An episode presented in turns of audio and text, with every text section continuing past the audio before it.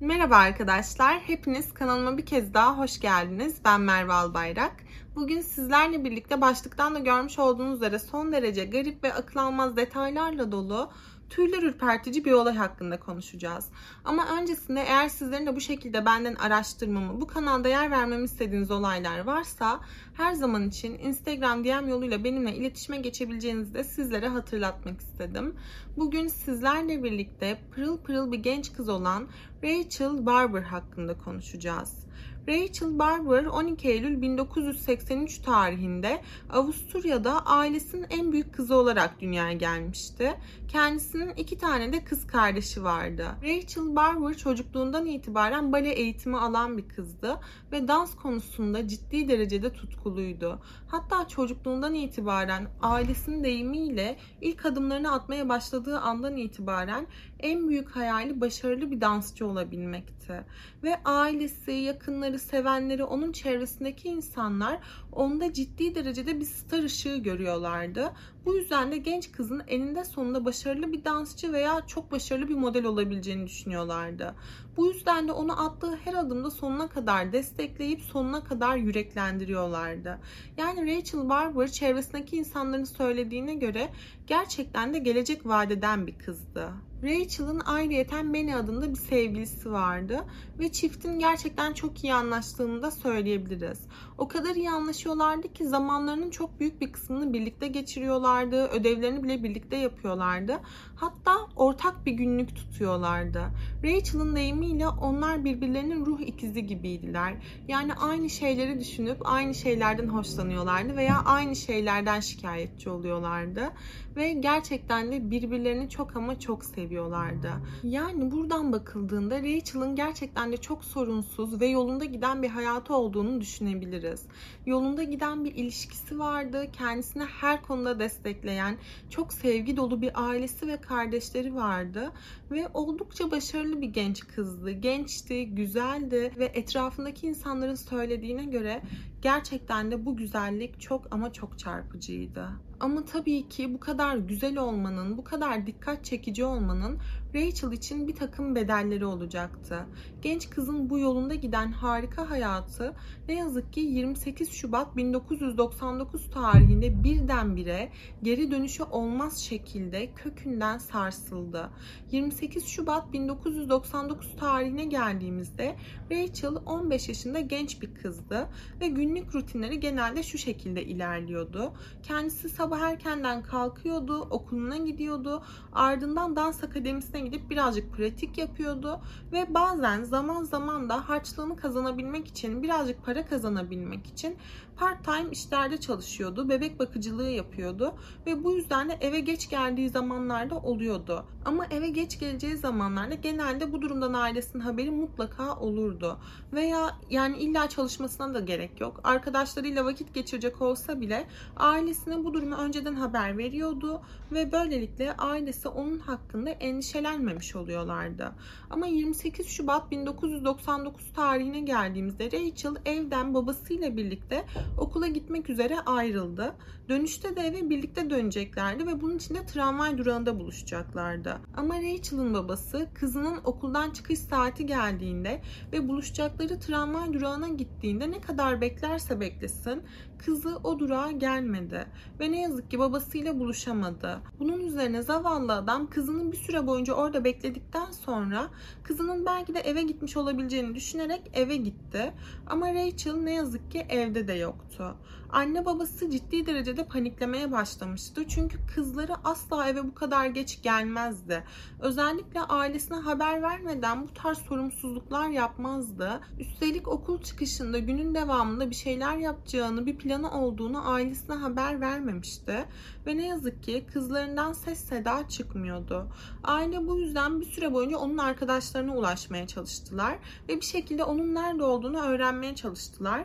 Ama ne yazık ki bu çabaları bir sonuç vermiyordu ve daha fazla vakit kaybetmeden polisi arayarak bu durumu haber verdiler. Ama polis Rachel'ın genç bir kız olduğunu, bu yüzden de arkadaşlarıyla bir yere takılmış olabileceğini düşünüyordu ve ailenin biraz daha beklemesi gerektiğini düşündüler. Yani anlayacağınız Rachel Rachel'ın ailesi her ne kadar paniklemiş bir halde olsalar da kızlarının mutlaka başına bir şey gelmiş olduğunu düşünüyor olsalar da ne yazık ki tam vaktinde polis desteği alamadılar. Bu yüzden de gece boyunca Rachel'ı kendi çabalarıyla aramaya devam ettiler. Onun arkadaşlarıyla, yakın çevresiyle, tanıdıkları kadarıyla iletişime geçmeye çalışıyorlardı. Hatta Rachel'ın okuluna gittiler ve genç kızın okuldan çıktığı zamanlarda kullanabileceği güzergahları tek tek kendi çabalarıyla aradılar ve yol üzerindeki insanlara bildiğiniz kızlarını sorarak ondan bir ipucu bulmaya çalıştılar. Yani gerçekten de polisler onlara yardım etmediği için son derece çaresiz ve korkmuş, paniklemiş bir haldeydiler. Ama tam da bu noktada Rachel'ın ailesi kızlarının sevgisi Manny ile iletişime geçmeyi başarmışlardı ve Manny'nin çok dikkat çekici bazı iddiaları vardı. Manny'nin aileye söylediklerine göre kendisi bir gün önce yani 28 Şubat tarihinde Rachel'la birlikteydi. Okuldan birlikte çıkmışlardı ve bir grup arkadaş olarak tramvaya doğru yürümekteydiler. Ama Rachel her zaman gittiği tramvay durağına doğru gitmektense duraksadığı ve arkadaşlarına burada ayrılmaları gerektiğini söyledi. Manny bunun sebebini sorduğunda ise Rachel bir iş görüşmesine gideceğini söylemişti. Haliyle sevgilisi Rachel'a eşlik etmek istedi. Onu gideceği yere kadar götürmek, onunla birlikte gitmek istemişti. Fakat Rachel inatla sevgilisinin kendisiyle gelmesini istemiyordu. Ve bunun sebebi olarak da işveren kadının çok titiz olduğunu ve bu işten kimseye bahsetmemesi gerektiğini söylemişti. Yani bu çok önemli bir araştırmaydı ve bu yüzden de Rachel işveren tarafından sıkı sıkıya tembihlenmişti. Eğer bu araştırmadan ailesi ve sevgilisi de başta olmak üzere kimseye bahsetmezse genç kıza yüklü bir para verecekti. Rachel sevgilisinin gönlünü rahatlatabilmek için işverenin bir kadın olduğunu hatta kendisinden yaşça büyük bir kadın olduğunu da söylemişti. Rachel'ın anne babası yeni almış oldukları bu bilgiyle birlikte gerçekten çok ürkmüşlerdi. Çünkü kızları kendilerine de böyle bir işten, böyle bir işin varlığından bahsetmemişlerdi. Ve kim, hangi sebeple, nasıl bir iş için 15 yaşındaki bir kıza yüklü bir para teklif ederdi. Bu yüzden edinmiş oldukları bu yeni bilgiyle birlikte 1 Mart sabahı erkenden polis karakoluna gittiler. Ve Manny'nin kendilerine söylemiş olduğu bu şeyleri aile polislere aktardı.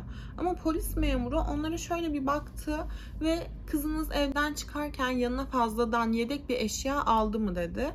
Ailesi ise kızlarının evden çıkarken sırtında bir sırt çantası olduğunu ve sırt çantasında dolu göründüğünü söyledi. Yani içinde mutlaka yedek bir eşya olabilirdi. Fazladan bir kıyafet olabilirdi.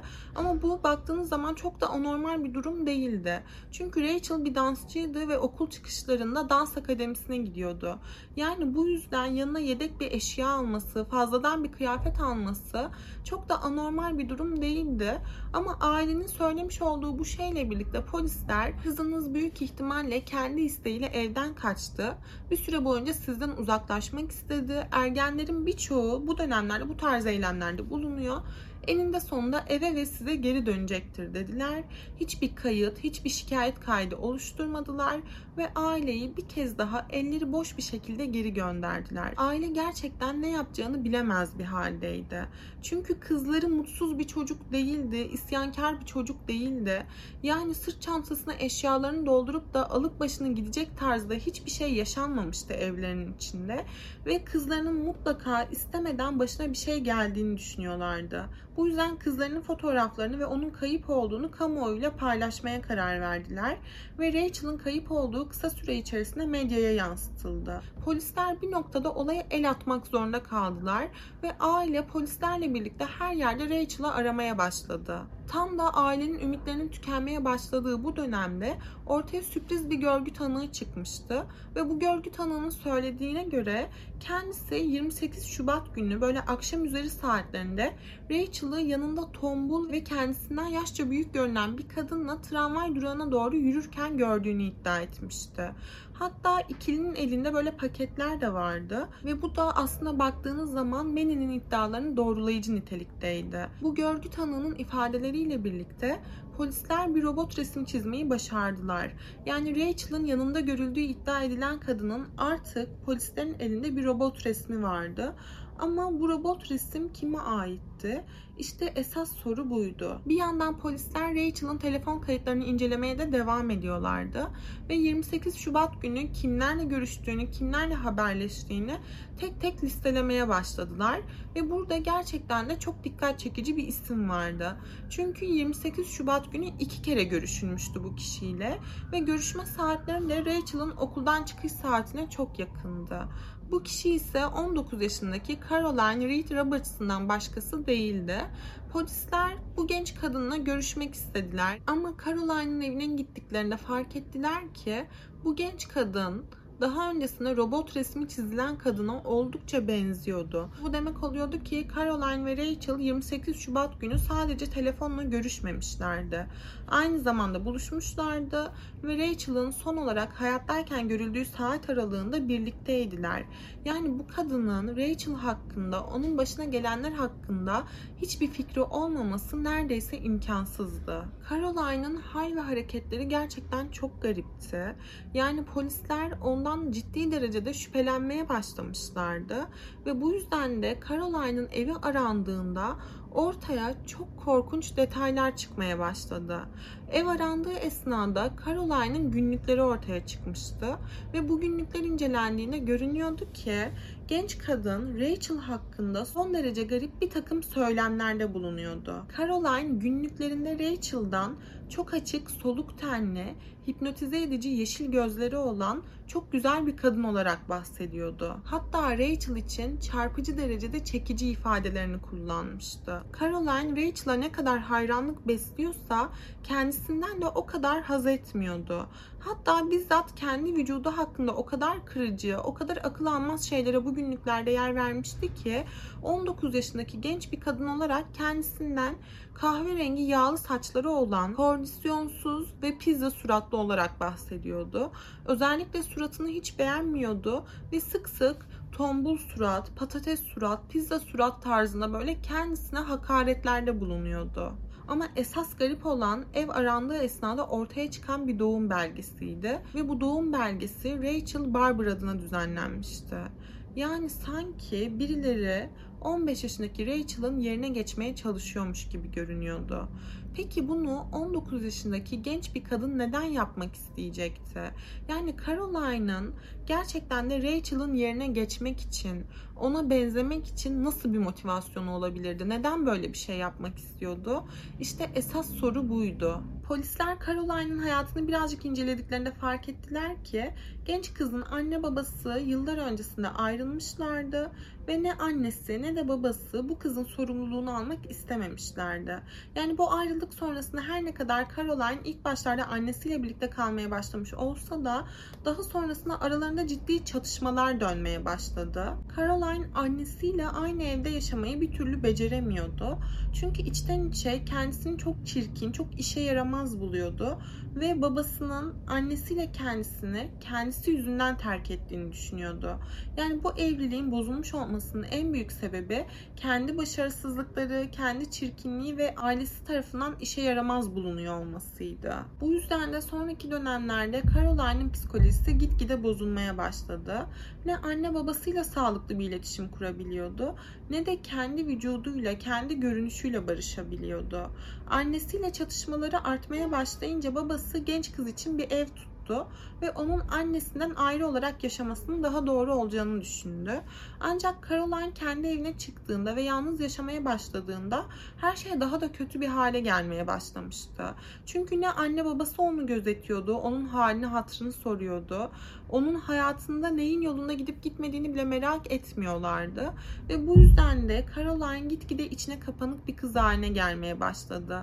Anne babasıyla bir iletişim kuramadığı gibi insanlarla sosyalleşemiyordu ve sosyal hayatın içerisine karışamıyordu. Üstelik kendisi 19 yaşındaki genç bir kız olarak bir şirkette çalışmaya başlamıştı. Ama buna rağmen iş arkadaşlarıyla, ekip arkadaşlarıyla bile çok nadiren iletişim kuruyordu. Yani kendisini çevresindeki insanlara karşı tamamen kapamış gibi görünüyordu. Ve günlüklerinde yer alan ifadelere göre işin en garip kısmı da şuydu ki kendisi Rachel'ı böyle tamamen rastgele bir şekilde seçmemişti. Tam tersine Rachel ve Caroline daha öncesinde tanışmaktaydılar. Caroline daha öncesinde Rachel ve ailesinin kapı komşusuydu. Yani hem Rachel'ı hem ailesini hem de onun kardeşlerini tanımaktaydı. Hatta birkaç kere Rachel ve küçük kardeşleri için bebek bakıcılığı bile yapmıştı. Yani onların evine girip çıkan, onları tanıyan bir insandı ve kendisi de Rachel'ın ailesi tarafından tanınan, bilinen bir insandı. Aile zamanla güvenip kızlarını 19 yaşındaki Caroline'a emanet etmişti. Ama Rachel'ı sürekli olarak görmek Caroline'a gerçekten de iyi gelmiyordu. Yani Rachel'ın anne babası tarafından bu kadar sevilmesi, bu kadar desteklenmesi, bu kadar başarılı ve güzel bir genç kız olması Caroline'ı daha da kötü tetikliyordu. Yani Rachel'da olup da kendisinde olmayan şey neydi? Kendisinin başaramadığı şey neydi? Bu yüzden de gitgide Rachel'a karşı böyle bir düşmanlık beslemeye başladı. Ama esas bardağı taşıran damla şu olmuştu. Bir gün Caroline çalıştığı yerde öğlen arasında dışarıya çıktı ve fast food zinciri olan bir mekana girdi. Burada kendisine bir menü alıp böyle dışarıya bakan bir camın önüne oturduğunda camın diğer tarafında Rachel ve sevgilisi Manny'i görmüştü. Çift böyle gülüyordu, oldukça mutluydular, şakalaşıyorlardı. Birlikte gerçekten çok güzel vakit geçiriyorlardı. Ve Caroline bu görüntüyü gördüğüne gerçekten çok rahatsız oldu. Yani Rachel'ın hayatında her şey nasıl bu kadar sorunsuz olabilirdi? Her şey nasıl bu kadar yolunda gidebilirdi? Genç kızın hem ailevi ilişkileri iyiydi, hem bir sürü arkadaşı vardı, hem de çok yolunda giden bir ilişkisi vardı. Hem de bütün bunları henüz sadece 15 yaşındayken yapabilmişti ve bir şekilde bu durumu idare edebiliyordu, devam ettirebiliyordu. Ve Caroline 19 yaşında olmuş olmasına rağmen kendisini tamamen yolun sonunda hissediyordu. İşte bütün bu sebeplerden ötürü o gün Rachel'ı sevgilisiyle birlikte şakalaşırken gördükten sonra bütün bunların hıncını genç kızdan almayı kafasına koymuş bir haldeydi. Bu yüzden de 28 Şubat tarihinde, 28 Şubat 1999 tarihinde telefonla Rachel'a ulaştı ve kendi çalıştığı şirkette psikolojik bir araştırma yürütüldüğünü, bu yüzden de Rachel'la böyle küçük bir terapi yapıp yapamayacağını sordu. Rachel ailesi ve sevgisi başta olmak üzere bu çalışmadan kimseye bahsetmezse, bu çalışmanın gizliliğini yürütebilirse ona 100 dolar verecekti. 100 dolar tabii ki de 15 yaşındaki bir genç kız için 1999 senesinde özellikle oldukça büyük bir miktardı. Bu yüzden de Rachel bu tekliften kimseye bahsetmeyerek bu çalışmaya ortak olacağını Caroline'a haber verdi. İşte böylelikle 28 Şubat tarihine geldiğimizde genç kız sevgisi ve arkadaşlarının yanından Caroline'la buluşmak için ayrılmıştı. Hatta ikili Caroline'ın dairesine doğru giderken yoldan pizza almışlardı. Ve sonrasında Caroline'ın tek başına yaşadığı daireye gittiler. Birlikte pizza yemeye başladılar. Ve bunu yaparken de böyle şakalaşıyorlardı, gülüşüyorlardı, sohbet ediyorlardı. Ama Rachel'ın bilmediği bir şey vardı ki Caroline'ın kendisi hakkında çok korkunç planları vardı. Caroline tarafından gerçekten çok uzun bir zamandır ölümle kıskanılıyordu ve yediği pizza dilimlerinin üzerinde sakinleştirici bir takım ilaçlar vardı. Caroline Rachel'ın karşısına kendisine o kadar güvenmiyordu ki genç kız tamamen savunmasız bir haldeyken ona saldıracağı halde öncesinde onu sakinleştirici ilaçlarla etkisi altına almak istemişti. İşte bu yüzden Rachel bu sakinleştirici ilaçların eklenmiş olduğu pizza dilimlerini yedikten sonra Caroline ona yere oturması gerektiğini ve gözlerini kapatıp derin derin nefesler alıp vermesi gerektiğini söyledi. Rachel her bir talimata olduğu gibi uyuyordu. Önce yere oturdu, sonrasında gözlerini kapattı ve derin derin nefesler alıp vermeye başladı. Ama Caroline yavaşça onun arkasına dolandı ve bir telefon kablosunu genç kızın boynuna dolayarak onu nefessiz bırakmaya başladı. Rachel'ı elinden geldiğince karşı koymaya, direnmeye çalışmıştı ama az önce sakinleştirici ilaçlar eklenmiş bir sürü pizza dilimi yemişti ve bu yüzden de o kadar da direnemedi ve ne yazık ki Caroline elinden kurtulamadı. Ve Rachel tamamen nefessiz kaldığında, tamamen hareketsiz bir şekilde kaldığında Caroline onunla uğraşmayı bıraktı, mutfağa gitti. Keskin sivri uçlu bir aletle Rachel'ın yanına geri döndü ve genç kızın yüzü tamamen tanınmaz bir hale gelinceye dek onun suratına çizikler ve yaralar açmaya devam etti.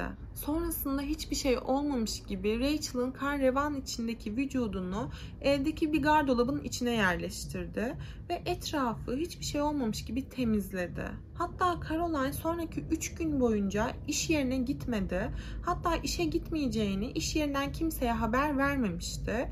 3 gün boyunca evden hiç çıkmadı ve bildiğiniz Rachel'la birlikte, Rachel'ın cansız vücuduyla birlikte bir dolabın içerisine yerleştirilmiş cansız vücuduyla birlikte 3 gün boyunca aynı evi paylaştı.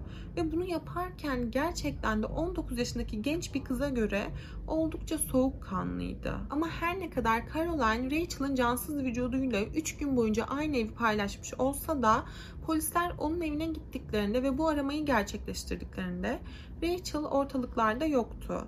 Çünkü Caroline daha sonrasında 3. günün sonunda bir şekilde genç kızdan kurtulması gerektiğini farkındaydı. Eğer Rachel bu evde kalmaya devam ederse vücudu kokmaya başlayacaktı ve bu durum çevresindeki insanların dikkatini çekecekti. Bu yüzden de Rachel'ın o küçük vücudunu iki tane kilime sardı. Daha sonrasında düzgün bir şekilde paketledi ve evin önüne bir taksi çağırarak taksicinin yardımıyla bu vücudu taksiye yükledi. Ve taksiciye de bu kilimin içerisinde cansız bir mankenin olduğunu söylemişti. Yani bir vitrin mankeni taşıdığını söylemişti. Bu yüzden de taksici bu paketi çok sorgulamadı ve paketin bu kadar ağır olması da taksiciye hiç şüpheli gelmemişti. İşte o gün o taksici Rachel'ın vücudunu Caroline'ın babasının çiftlik evine kadar taşıdı. Hatta Caroline'ın Rachel'ı arabadan indirmesine de bir kez daha yardım etmişti ve daha sonrasında oradan uzaklaştı. Caroline ise babasının şehrin dışındaki çiftlik evine geldiğinde Rachel'ın vücudunu evcil hayvanlarına ait bir mezarlığa gömdü. Bu mezarlık oldukça sığdı yani dışarıdan bakıldığında yeni kazıldığı belli oluyordu. Polisler işte Caroline'ın peşinde bırakmış olduğu bu izleri takip ederek Rachel'ın vücudunun gömüldüğü mezarlığı bulmayı başardılar ve genç kızın vücudunu buradan tahliye ettiler. Bütün bunlar ortaya çıktığında mahkeme Caroline'a 20 yıllık bir hapis cezası verdi. Fakat daha sonrasında Caroline şartlı tahliye ile Ocak 2015 tarihinde serbest bırakıldı. Yani Rachel'ın hayatına kıymış olduğu için sadece 15 yıllık bir hapis cezası almıştı. Düşünsenize 15 yaşındaki umutları, hayalleri, beklentileri olan pırıl pırıl bir genç kızın hayatına kıymak, onun ailesi ve sevenleri üzerinde, yakınları üzerinde geri dönülmez yaralar bırakmış olmak sadece 15 yıllık bir hapis cezasına bedeldi. Çünkü 15 yılın sonunda yani Ocak 2015 tarihine geldiğimizde Caroline serbest bırakıldı ve kendi sosyal yaşantısına ne kadar becerebildi bilemiyoruz ama tamamen geri dönmüş bulundu. Caroline 2015 senesinde cezaevinden çıkartıldığında ciddi olarak değişmiş bir haldeydi.